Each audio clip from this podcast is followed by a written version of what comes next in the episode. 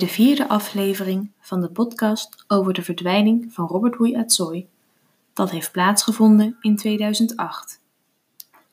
Hierin wordt het meest aannemelijke scenario besproken vanuit de literatuur en de Murder Database.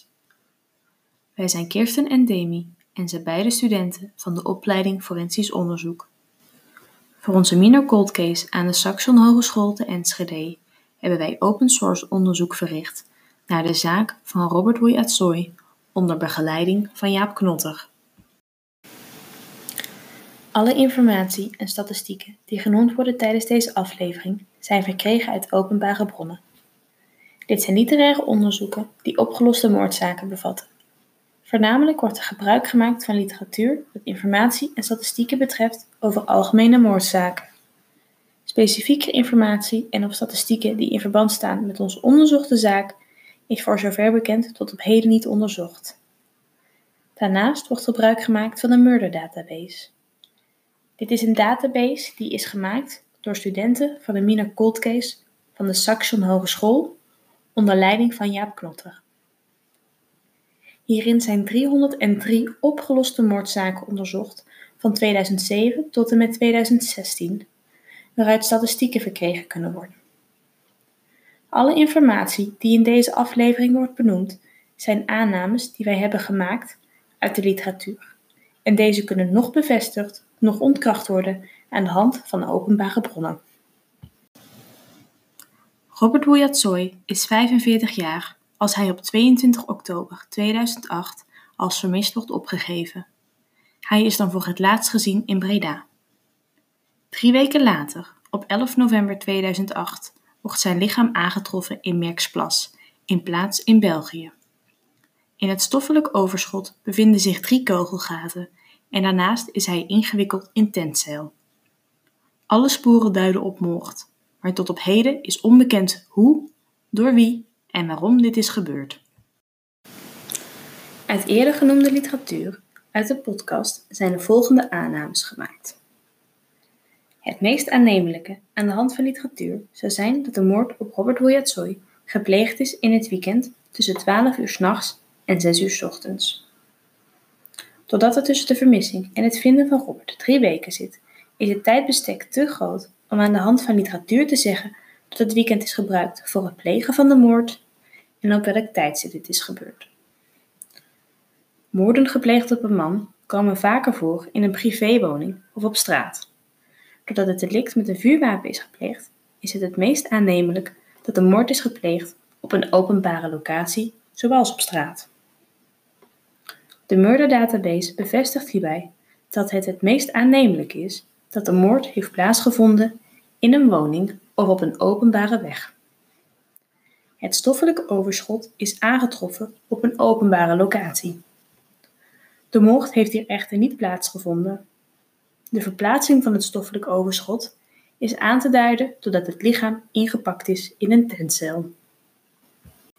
Literatuur geeft aan dat het aannemelijker is dat de moord dat één slachtoffer betreft gepleegd wordt door één individu, doordat het stoffelijk overschot is aangetroffen in een zijstraat dat niet toegankelijk is voor voertuigen, is het echter aannemelijker dat het verplaatsen van het stoffelijk overschot eerder plaats heeft gevonden door meerdere personen dat het is gebeurd door één individu.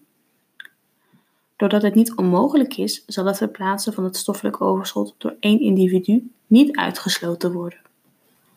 Ook is het mogelijk dat één individu de moord heeft gepleegd en dat de dader vervolgens is geholpen door een ander persoon voor het verplaatsen van het stoffelijk overschot.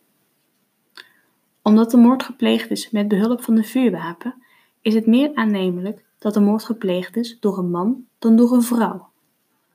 Ook is het plegen van een moord met een vuurwapen het meest aantrekkelijk voor daders met een leeftijd tussen de 20 tot 29 jaar. Het meest aannemelijke geslacht en leeftijd wordt bevestigd door de Murder Database. Ook blijkt uit de Murder Database dat het aannemelijker is dat de dader en het slachtoffer bekenden van elkaar zijn, dan dat het onbekenden van elkaar zijn. Tevens is hieruit gebleken dat de dader zich vaker in een relatie bevindt dan dat de dader vrijgezel is. Daarnaast verwachten wij dat de etnische afkomst van de dader Nederlands zal zijn.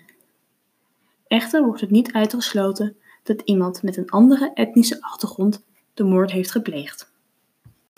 Daarnaast wordt van de dader verwacht dat deze al meer affiniteit heeft met criminaliteit. Dit vanwege het dumpen van het lichaam.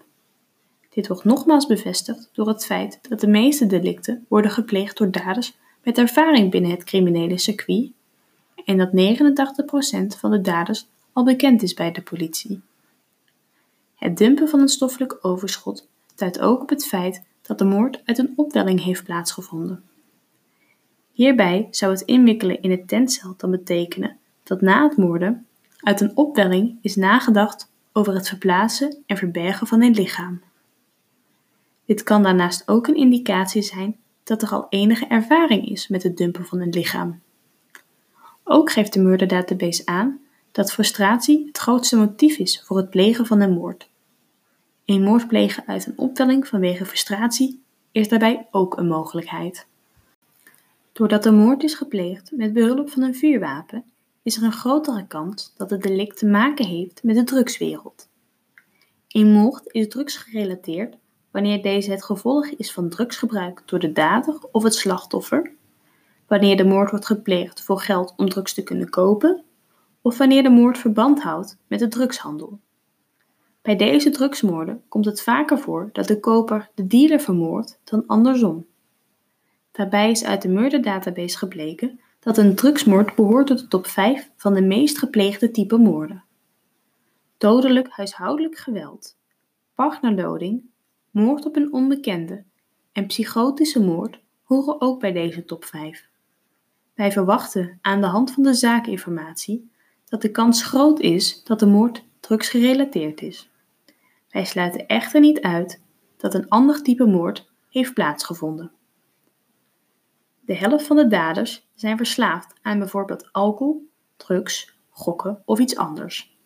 Als de moord drugsgerelateerd zou zijn, is het mogelijk dat er sprake is geweest van drugsgebruik. Bij een druggerelateerde moord is het aannemelijker dat de koper de dealer heeft vermoord dan dat de dealer de koper vermoordt.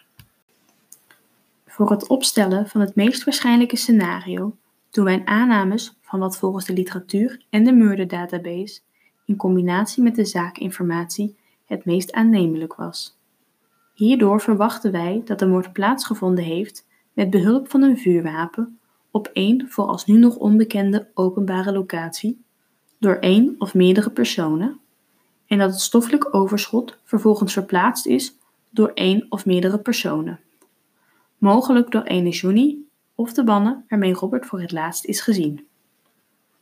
Vervolgens nemen wij aan dat het eerder door een man is gepleegd dan een vrouw en dat deze personen in een leeftijdscategorie vallen van 20 tot 29 jaar. Daarnaast wordt verwacht dat de dader een Nederlandse etnische afkomst betreft en deze al een bekende is van de politie. Ook vermoeden wij dat de moord is gepleegd vanuit een opwelling met als motief frustratie en of het tijdens het gebruik van drugs. Mogelijk was er sprake van een conflict binnen het drugsmilieu waarbij de koper de dealer heeft vermoord. Doordat wij tijdens het onderzoek met enkele beperkingen te maken hebben gehad in verband met COVID-19, hebben wij tijdens het onderzoek alleen gebruik kunnen maken van open source onderzoek. Daarom hebben wij voor vervolgonderzoek enkele punten opgesteld. Als eerst bevelen wij aan om voor verder onderzoek de bekende plaatsdelicten te gaan bezoeken om mogelijk een beter inzicht te krijgen van de verdwijning van Robert Louis Atsoy. Daarnaast raden wij ook aan mogelijk contact op te nemen met naasten van de familie van Robert Louis Atsoy of mensen die al onderzoek hebben verricht naar de zaak, zoals rechercheurs of onderzoeksjournalisten. Op deze manier kan er informatie verkregen worden waar wij mogelijk nog geen beschikking over hebben gehad. Bedankt voor het luisteren naar deze aflevering over de verdwijning van Robert Louis Atsoy in 2008. Dit was tevens de laatste aflevering van deze reeks. Wanneer u beschikt over meer informatie wat betreft deze zaak, neem contact op met Politie-eenheid Rotterdam.